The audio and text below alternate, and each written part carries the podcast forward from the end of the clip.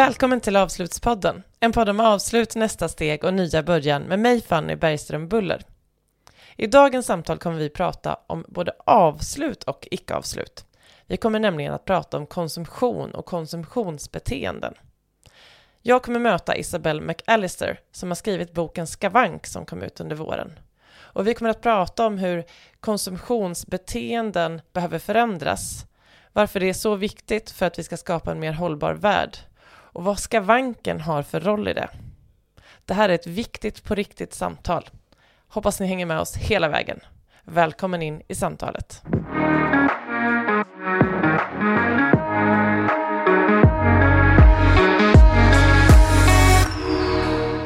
Hej Isabelle McAllister och välkommen till Avslutspodden. Hej och tack så mycket. Så Isabelle... roligt att... Nej! Det är det här när man inte sitter i samma rum utan man poddar så här på distans. Då är det liksom mycket svårare att pejla in. Ja, nu ser vi ändå varandra. Eh, jag brukar ju podda annars men då, då tittar vi aldrig på varandra för vi blir så disträ. Så att, eh, ja, det ska nog gå bra. Och podda är ju en av de sakerna du gör, men du har ju väldigt många strängar på din lyra. Du, eh, du kallar dig för omställnings, kreativ omställningsaktivist. Du ska få berätta lite mer om det strax. Men du är också programledare, föreläsare och nu också författare till en bok som heter Skavank. Mm. Som också är lite anledningen till det här samtalet. Jag eh, kommer att tänka på dig och Avslutspodden. Men som den, den lite så breda inflygningen så berätta gärna lite grann om, om dig Isabelle och det här med kreativ omställningsaktivist. Ja, alltså att eh, försöka förklara in i en slags hisspitch vad jag håller på med och vad jag gör, det är typ mitt värsta. Så att det blir ganska många ord jämt. Men det är för att jag tycker att det är ganska många saker som är roliga och att det finns väldigt mycket saker att göra. Och den kreativa omställningsaktivisten har väl kommit lite från att jag har, jag har ju en bakgrund med färg och form som jag jobbat med i 20 år. Eh, och jobbat ganska mycket med så återbruk och DIY och sånt. Men sen så senaste två, tre åren så är jag vidareutbildad mig väldigt mycket om i just omställnings och hållbarhetsfrågor. Och det har ju varit viktigt även innan, men nu har det liksom, ja men jag har dragit upp volymen på det och känner att jag inte kan göra annat för att jag på något sätt har lärt mig lite för mycket kanske om vad det är för, vad vi står inför och vad vi behöver göra. Och då tänker jag att det är väl det jag sysslar med, att försöka ja, få företag och, och eh, människor och eh, mig själv att tänka på hur vi kan ställa om på olika sätt. För en bättre, eller mer kanske en, framtid, en hållbar framtid så att vi kan klara den här klimatkrisen som faktiskt är ett faktum. Precis, och det här samtalet kommer ju därmed också handla både om så avslut och icke-avslut. Mm. Så att jag tänkte på innan att det, det liksom både handlar om avslut av beteenden och konsumtion och så vidare, men också utifrån tänker, ditt skavankperspektiv, det här liksom hur kan vi leva med det som inte är perfekt? Mm. Eh, och lite mer cirkulärt tänka kring saker vi har, och oss själva lite grann känner jag också. Mm. Att så, men du beskriver att det är liksom sedan några år som du har skruvat upp volymen. Var det något särskilt som hände då när du fick de här insikterna eller tankarna? Nej men alltså jag, jag tänker väl att volymen allmänt om man hänger med alltså, i forskarvärlden och sånt där har skruvats upp. Och sen så, mm, jag hade redan börjat skruva upp volymen och vi eh, bodde på Bali i två år. Och då satte barnen, paradoxalt nog, flyga till Bali för att sätta barnen på en hållbarhetsskola. Men det, det var där jag också träffade ännu mer forskare och jobbade i projekt med hållbarhetsprojekt och fick se klimatförändringarna liksom på ett nära håll och så vidare. Och då kom ju också IPCC-rapporten precis när vi hade flyttat. Som då sa att vi har typ runt tio år på oss att faktiskt förändra våra beteenden Um, för att det är så mycket, alltså innan det kan typ vara för sent. Så att um, det var väl då som volymen skruvades upp ännu mer och det blev liksom tydligt. Alltså innan så var det väl mer så här, ja ah, det har funnits där och vi måste göra något. Men det blev så tydligt när vi fick lite mer, nästan ett datum på hur lite tid vi har kvar. Så det skulle vi säga gjorde att jag liksom ökade. Vad gjorde, jag tänker Bali-perspektivet, att du befann dig på en annan plats, hur upplevde du, påverkade det dig? Såg du andra saker? Upplevde du andra saker där som eh, förändrade din syn från om du hade liksom varit kvar i Sverige under de åren?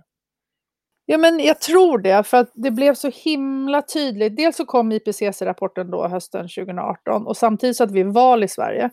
Och så bodde jag i ett land som är Eh, Indonesien som har extremt många invånare och är väldigt, väldigt fattigt.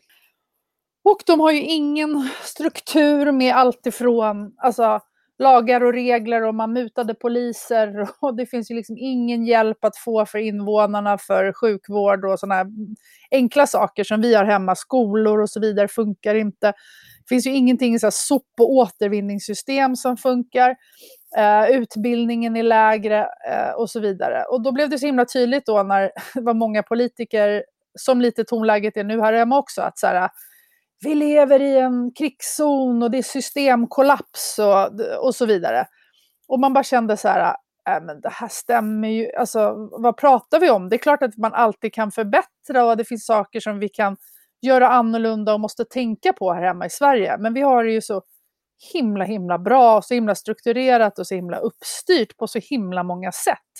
Och så det kände jag ju ena var så här, men herregud. Och sen var det ju den andra, att faktiskt eh, ja, men se plast överallt i haven. Ibland när man var ute och till exempel surfa eller simma så kunde man hitta så 30 blöjor. Och du vet, jag fyllde liksom så bikinisen med, med plast och grejer. Och sen stod de ute och liksom eldade och brände sopor liksom, ute på risfälten som man då fick liksom sög, sög in i sig. Eh, liksom man fick i, i luften. Eh, det var ju, de hade sådana här luftmätare och då i, i djungeln, mina barn gick då i den här hållbarhetsskolan mitt ute i djungeln i så här, fantastiska bambubyggnader utan väggar. Och där var det typ sämre miljö än typ i så här New Delhi. Nej men ni vet, det var så på samma nivå liksom för att de eldade så mycket plast och sopor och sånt. Um, och sen så lite det här västerländska tänket att man då kom dit och var lite så här och jag ska visa dem, vad kan jag lära dem? Och sen så inse att ja, plast i haven är en sak, men om det ligger lite plast och skräpar typ i en skogsdunge så är egentligen inte det så farligt. Men att jag bara har flygit till den här ön gör jag ju större påverkan än om de liksom gräver ner lite plast i deras bakgård och inte är mer utbildade. Alltså så, här, så det blev så en himla dubbelbild av vad, vad vi i väst tror att vi är. Och vad vi egentligen gör och få se det liksom first hand, eller man ska säga. Ja, och jag, tänker, jag tänkte när du berättade om det här, eller liksom berättade om det här perspektivet, jag har ju inte bott eh, på Bali, jag har varit i andra länder såklart, men att just det här att vara länge på en annan plats gör ju någonting med ens perspektiv. Eh, och jag tänkte på det här senast igår faktiskt, att jag eh, cyklade på min cykel som köptes begagnad och började knarra liksom en del. Och så att det är så lätt att tänka så här, jag behöver en ny cykel. Och liksom att man lite får tvinga sig in i det här, så här, jag går och lagar den. Medan jag tänker i många länder så har man liksom inte ens valet. Det är inte så här, jag går och köper en ny cykel, utan jag får liksom ta det som finns. Mm. Ja men precis, och så använder man det bara. Ja, det är inte så mycket en fråga, för att här blir det så mycket en fråga, så här, alltså, ska, jag, ska jag köpa en ny eller är det värt att? Och det tänker jag blir mycket tydligare då när man liksom har befunnit sig i den här andra kontexten och liksom sett det och levt i det. Ja, men jag tänker också att vi är så, alltså jag brukar jämföra egentligen att här, leva i samhället idag, vi är ju barn av vår tid eller man ska säga, vi är flockdjur. Det är lite som att vara i en så här vuxengodisaffär. Alltså jag får, ja, men bara när vi har pratat här har det dykt upp flera mejl i mejlkorgen där det är så här 30 procent eh, rea liksom. Alltså så här, det är rea och det är erbjudande och senaste måstena och så är det sociala medier som mm, påvisar olika grejer som vi bör köpa och ha för att känna oss liksom lyckliga. Det är kändisar och andra som man följer som säger så här, kolla vad jag har köpt och kolla vad jag har gjort som inbegriper liksom att vi ska konsumera. Det är all reklam som är överallt hela tiden och alla normer. Eh, alla politiker som säger att vi ska liksom ha evig tillväxt för annars så kraschar samhället. Och sen så är ju allting relativt billigt och jättesnyggt. Superdesignat och jättefint liksom. Så att det är ganska svårt att motstå allt det här som vi blir matade med hela tiden. Um, som är väldigt kul och härligt och som sagt ganska billigt. Så det är klart att vi inte vill använda det som redan finns, för att vi tänker inte tanken. Det är mycket enklare att bara, tror vi. För ibland spenderar vi mer tid på det också, att så här, leta efter det bästa och inspireras istället för att ja, kanske vara nöjda med det vi har. Och då har ju du också skrivit en bok nu som heter Skavank. Mm. Varför är skavanker viktiga? Men för mig är det någonstans tror jag en, en del av livet. Alltså att vi... Det finns ju vissa grejer som vi inte kan ta bort och det är ju tidens gång kanske. Eh, och, och att det på något sätt blir... Eh, att skavanker blir tecken och, och minnen av saker som vi har varit med om. Alltså om det nog bara är både våra kroppsliga skavanker eller om det är prylar och grejer runt omkring oss. Eh, och jag tänker att mycket i dagens samhälle är att vi på något sätt försöker att sudda ut livets gång. Vilket gör, tror jag, att vi, att vi känner oss mindre levande. För att allting ska vara perfekt eller ska vara ungt, vilket inte funkar. Det var också en sån grej jag fick faktiskt på Bali. Där fanns, liksom, döden var mycket mer närvarande. Det var eh, vulkanutbrott och jordbävningar och stora ormar på gatorna och konstiga insekter. Och det hängde konstiga elledningar liksom med tåtar ut när man körde moppar och det var olyckor på, liksom, i trafiken. Och sen framförallt också är religionen väldigt levande där så de hade ju stora begravningståg när de då byggde som ett litet torn som de la den döda i. Eh, och, sen, och det gjorde, liksom, hjälpte bygden, det gjorde det ihop, liksom, området.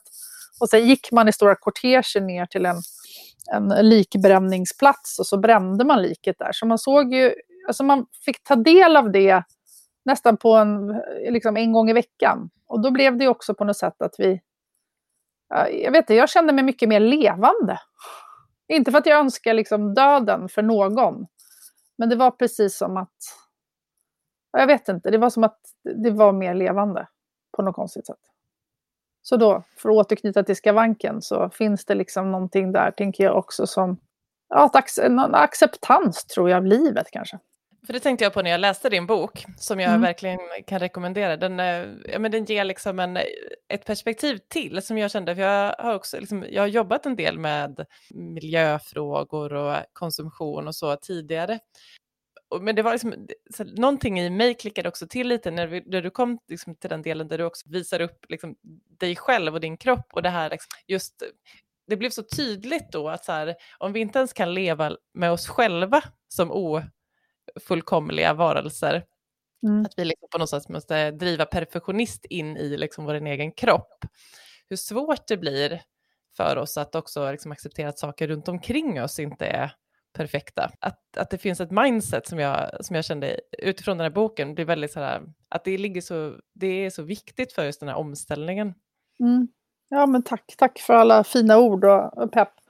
Uh, jo men jag kände det, jag har ju ett uppslag då i boken när jag eller det finns ju liksom spår av det lite överallt, men där har jag fotat mina skavanker, alltså åderbråck och ärr och olika saker. Så och jag, och jag, jag, tycker det är så tydligt nu också, för jag, jag har väldigt många så här, jag har en tonåring själv, eh, och så har jag väldigt många bekanta vars tonåringar har problem med allt från anorexi till eh, duktiga flickor. Alltså det känns som att det är någon epidemi nu med tonårsflickor framför allt, som har väldigt hård press på sig själva och mår ganska dåligt.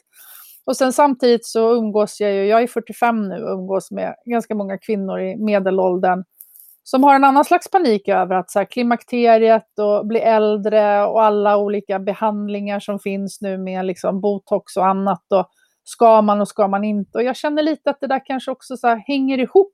Att man liksom, redan som tonåring får man inte vara tonåring och när man är medelålders får man inte vara medelålders. Och jag tror, att, jag tror att de flesta är så pass upplysta idag att man säger så här, nej men det är klart att jag inte pratar om bantning framför mina barn. För det känns skadligt. Men man kanske fortfarande går och gör en och annan behandling.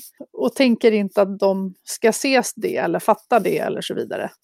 Och att det kryper ner i åldrarna. Men det är också en slags manipulation av ja, hur vi, liksom det här perfekthetshästen på något sätt. Upplever du, har du lätt att um, jag menar, hantera det här själv? För jag kan känna eh, själv att jag brottas en del med sådana här tankar, eh, givet liksom att man tänker på på sig själv som person och hur man ter sig, men också kring saker runt omkring mig. Att, att det lite är ibland en mental brottningsmatch. V värderingar kontra någon sorts liksom, intuitiv lust. Ja, men alltså det är en konstant brottningsmatch skulle jag vilja säga.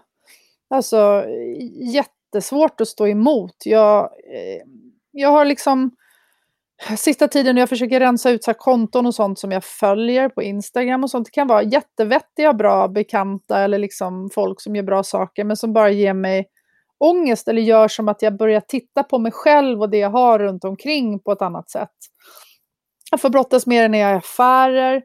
Och självklart får jag brottas med det som nu när man så börjar bli lite äldre och jag fortfarande gör så vissa program och sånt och ser mig själv och jämför mig själv med andra så här, skådisar, programledare och sånt som jag fattar så här, men de måste ha gjort det ena och det andra.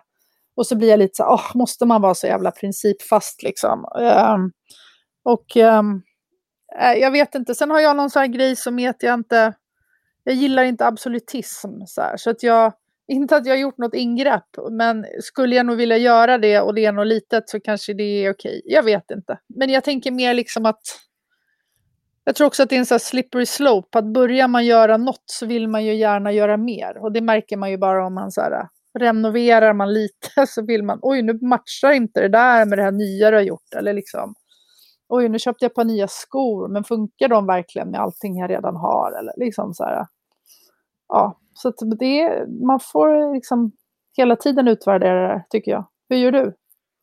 Ja, nej, jag, jag brottas.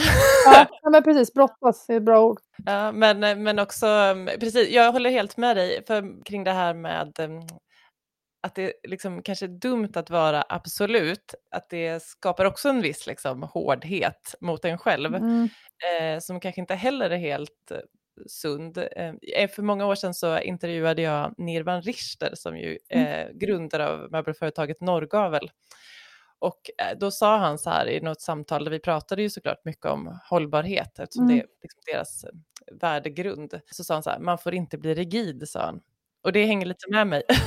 ja, jo men det tror jag för att jag vet inte, jag blir också Alltså det är svårt, man kan inte säga så här, jag slår mina barn lite grann. Vissa grejer måste man ju vara liksom rigid i och klimatet är ju en sån svår brytpunkt. Men samtidigt känner jag så här att jag kan inte rädda världen själv. Men jag kan göra mycket, mycket mer än vad jag tror att jag gör och lite till ändå. Och har man bara den inställningen, tänker jag, så blir det inte heller lite att man är... För det är lätt också så här, men nu kör jag en elbil, bil, så då kan jag flyga till Dubai. Eller liksom, alltså så att man, man väger det ena mot det andra. Utan jag tror verkligen att vi måste så här, tokställa om. Men det är det här rigida, vi måste också kunna se att alla människors förutsättningar är olika.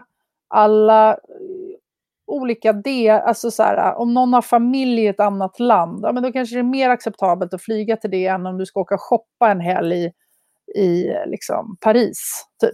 Alltså, om man ska stanna lite. Alltså man måste liksom, jag tror man måste utvärdera väldigt många olika frågor från tillfället kanske också. Och brottas. Jag tror att det är nyttigt att brottas. Jag tror man mm. lär sig att man utvecklas genom att brottas, även om det kan vara lite jobbigt. Ja, och ibland kanske brottas, tänker jag, liksom högt med andra, att man liksom ja. diskuterar saker. Verkligen.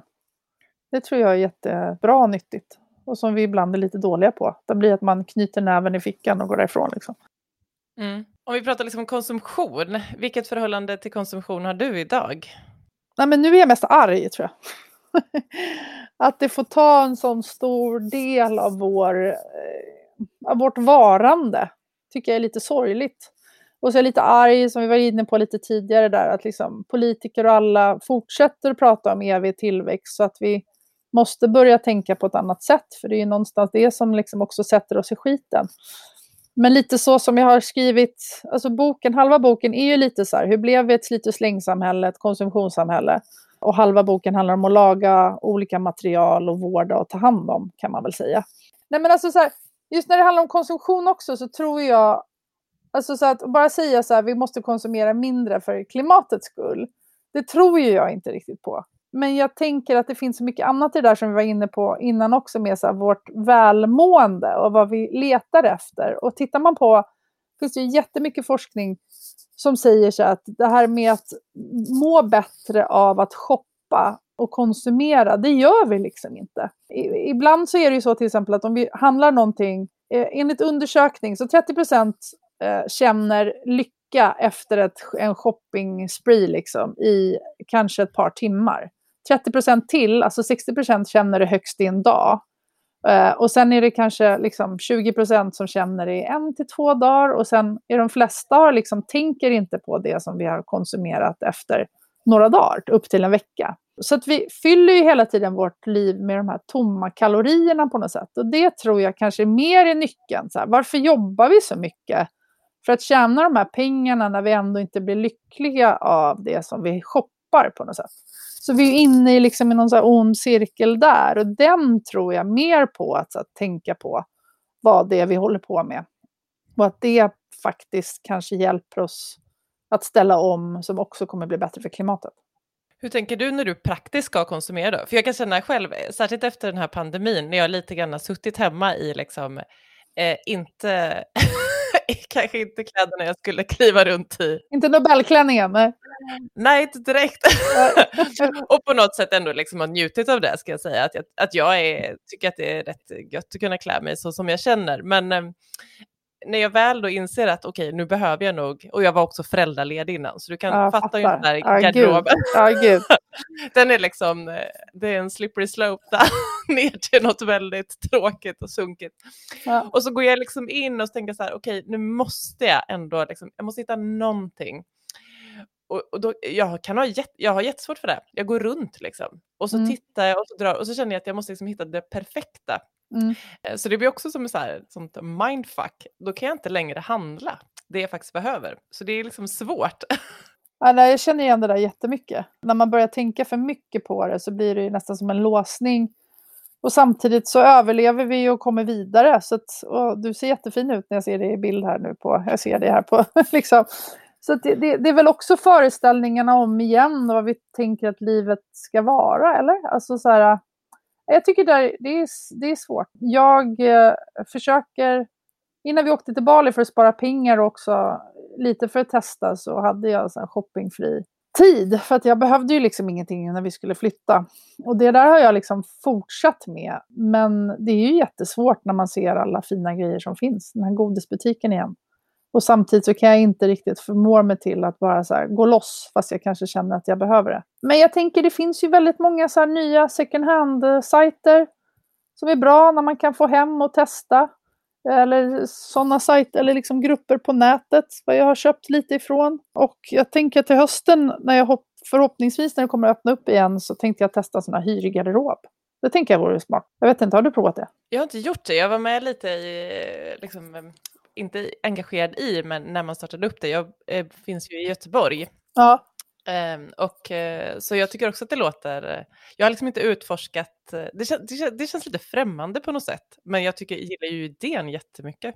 Ja, jag tänker då kan man kanske hitta några sådana här extra plagg som är ändå lite så här, ja, men lite roligare, lite mer exklusiva eller någonting som, och så kan man känna att det känns nytt för en själv. Det tycker jag låter lockande, så jag tänkte jag ska testa det. Och sen är ju konsumtion, det är ju, det är ju väldigt mycket, det är ju det som är så komplext, att det är liksom typ, det handlar ju om liksom mat och kläder ja. och eh, prylarna vi behöver, kanske liksom en stol att sitta på och så vidare. Mm. Och det tänker jag också, i din, i din bok så tar du upp väldigt mycket kring så här, hur man också kan liksom leva med skavankerna. Mm av det man har och kanske uppgradera det fast inte liksom genom att slänga och köpa nytt. Och, eh, och det där tänker jag är någonting som du beskrev på något ställe i boken att här, du kanske inte känner dig världsbekväm i köket när du ska slänga ihop någon rätt, men att du känner dig helt bekväm i liksom, om du får hammare och spik och målarfärg och liksom kan börja tänka kreativt där. Mm. Jag känner ju tvärtom. jag känner mig... Grattis! Ja. ja, men det är också lite tråkigt. För jag, eh, jag tänker du kan få vara liksom lite tipsig. Jag minns ju de här grejerna när man pluggade och så gick ihop några, någon hade någon symaskin och så drog man ihop lite kläder som man skulle sy om och så blev allt skitfult. så, man, så det var mer att man liksom förstörde kläder som man sen bara, det här kan jag aldrig använda. Vad är, liksom, vad är tipset för att börja våga göra saker? Men jag tänker att det är en process även där, att man måste så omfamna sina skavanker i vad man kan. Att hela samhället nu är ju byggt för att, att inte kunna, att köpa nytt, att inte laga och fixa och hålla på. Det, den liknelsen som jag drog upp i boken är ju lite för att när jag började min karriär med så här, äh, fixa och bygga och, och, färg och form, då, då, då var jag ganska mycket så, äh, det är bara ta något och så bara målar du lite, så bara testar du, det blir bra. Men sen har jag ju liksom blivit klokare med åren och insett så att alla har ju inte det i sig, precis som du säger.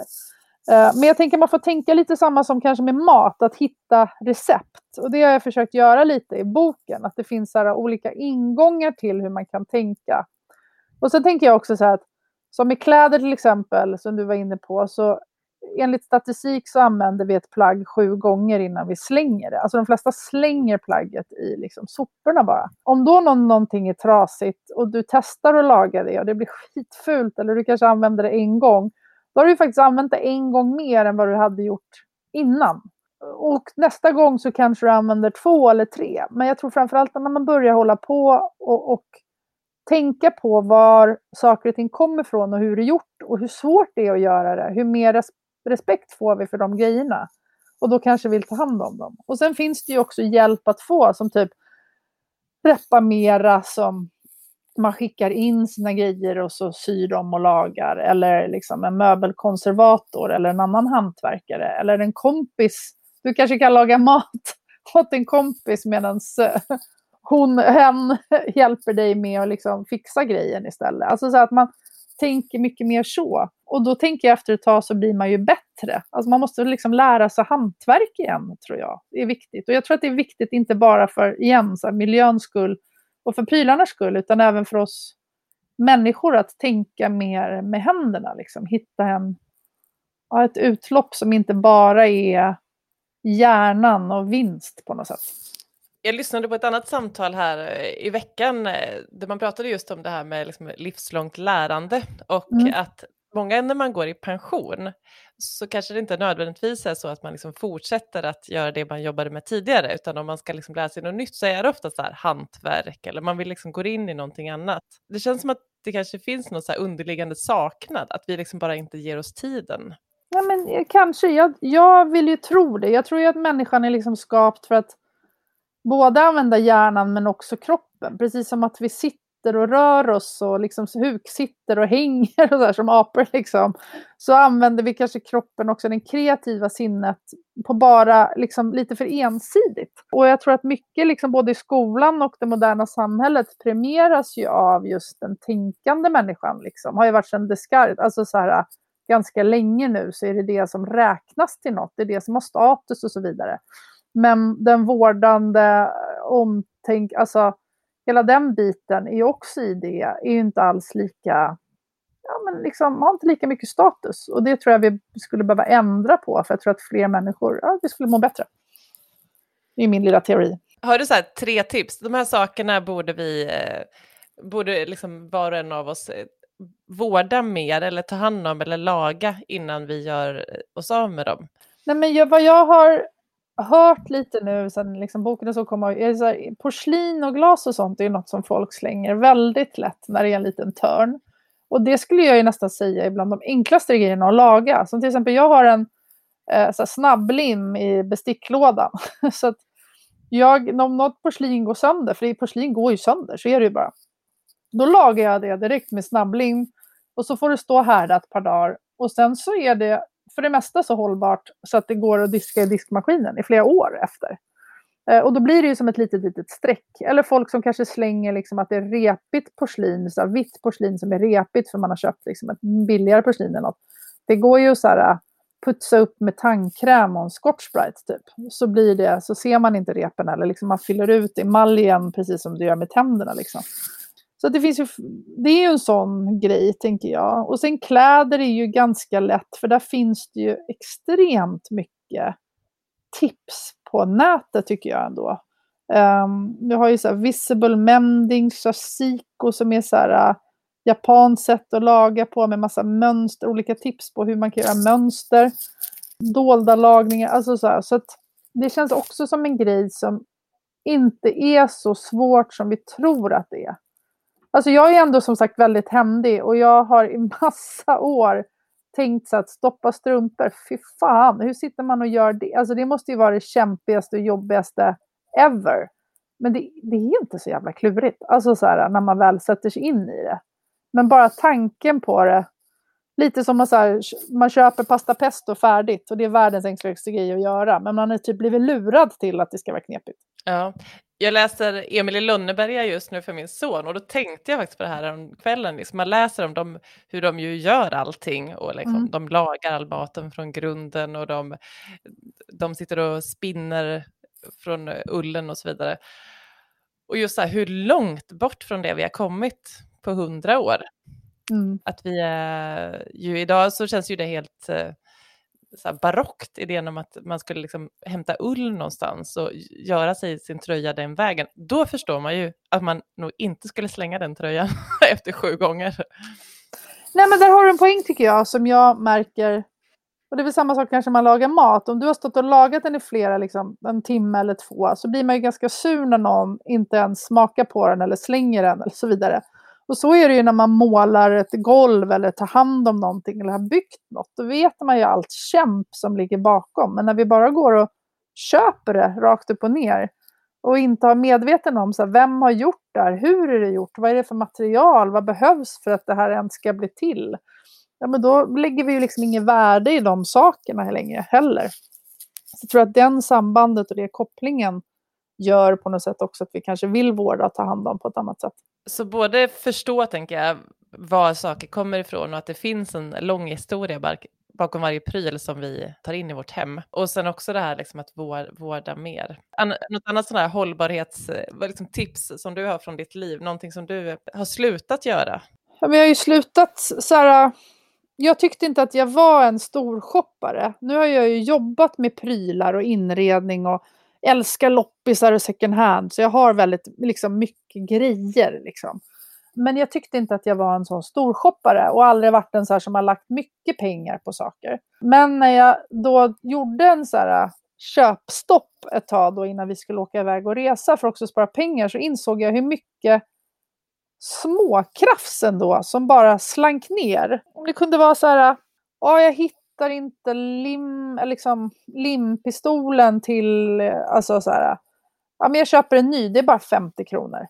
Eh, eller så här, ja men vi ska på kalas, ja, men jag köper lite roligt omslagspapper för 40 kronor. Men hemma så har jag ju gammalt tyg att slå in med, jag har tidningar, jag har barnens jättefina teckningar som man inte vill spara. Alltså så här, jag har ju hundra grejer. Jag har gammalt inslagspapper. Jag behöver inte köpa nytt inslagspapper, men man gjorde det bara farten på något sätt. Eller så här, ja men strumpor behövs ju alltid. Ja, men jag köper några par extra istället för att verkligen titta så här, ja, men jag köper när det är slut till exempel. Så sådana grejer har jag blivit mycket bättre på. Det var väldigt intressant att se dels hur mycket pengar jag gjorde av på små grejer som inte var onödiga men inte direkt nödiga heller. Liksom. Nödiga kanske man ska säga, behövliga. um, och slutat mera, men nu håller jag på med liksom stor sorg att sluta flyga på samma sätt som jag gjorde förut. För det har jag verkligen insett att det går ju inte. Eh, med den in, det liksom, att det är en sån stor del av vår privata klimatbudget. Och det är liksom min stora sorg skulle jag vilja säga. Hoppas vi skulle kunna resa ändå. Och jag kanske kommer flyga någon gång, men jag kommer inte göra det på samma sätt som jag gjort förut. Och nu också när vi har varit på Bali i flera år så tänker jag att då har jag liksom förbrukat lite av det. Avslutat.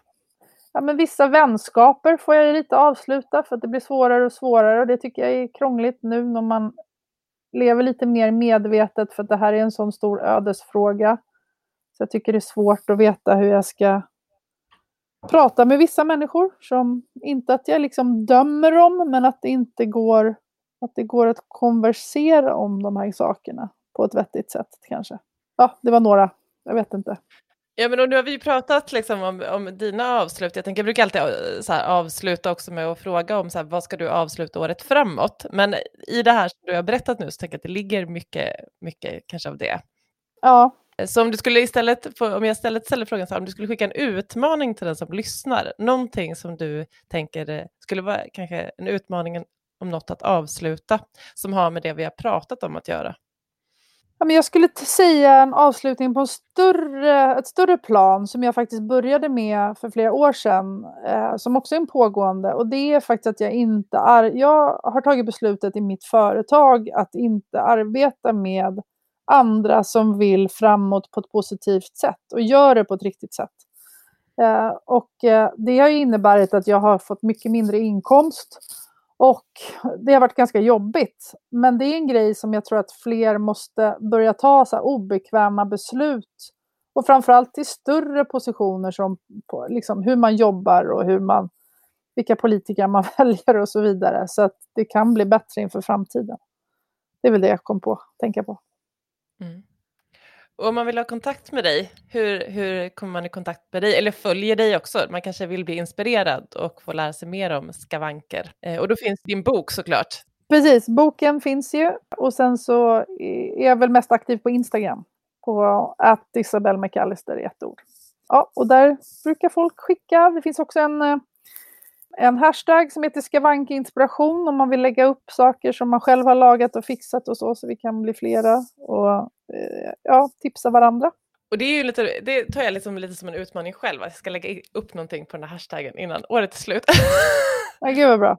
Nej, jag tänker man behöver göra det lite mer i så förbifarten, som till exempel jag, liksom, medan eh, smöret eller oljan smälter i pannan så tar jag lite rapsolja med lite hushållspapper och bara oljar in knivskaften till exempel. Alltså att det inte behöver bli så stort. Jag är ingen bakåtsträvare i att, liksom, att man ska eller bakåtsträvare, men så här gammeldags i att allting måste vara gjort från grunden. Man kan fuska, man kan göra lite så här, men det är bättre att göra något än ingenting, tänker jag. Mm. Så har det i bakhuvudet. Ja, och det var lite bra av, avslutande ord. Så tack Isabelle för att du var med och delade kunskap och mm. tankar här. Mm, tack så hemskt mycket att jag fick vara med. Jättegulligt. Fint att du hängde med hela vägen hit. Jag startade Avslutspodden för att jag tycker att det är viktigt att prata om avslut. Dela vad vi känner, upplever och vad vi lär oss. Och vad vi tar med oss in i nästa steg och nya början. Så tipsa gärna om Avslutspodden till vänner och bekanta så blir vi fler som lyssnar och pratar om det här som är så viktigt. Tack till er som hjälper mig att producera den här podden. Vi hörs igen om två veckor.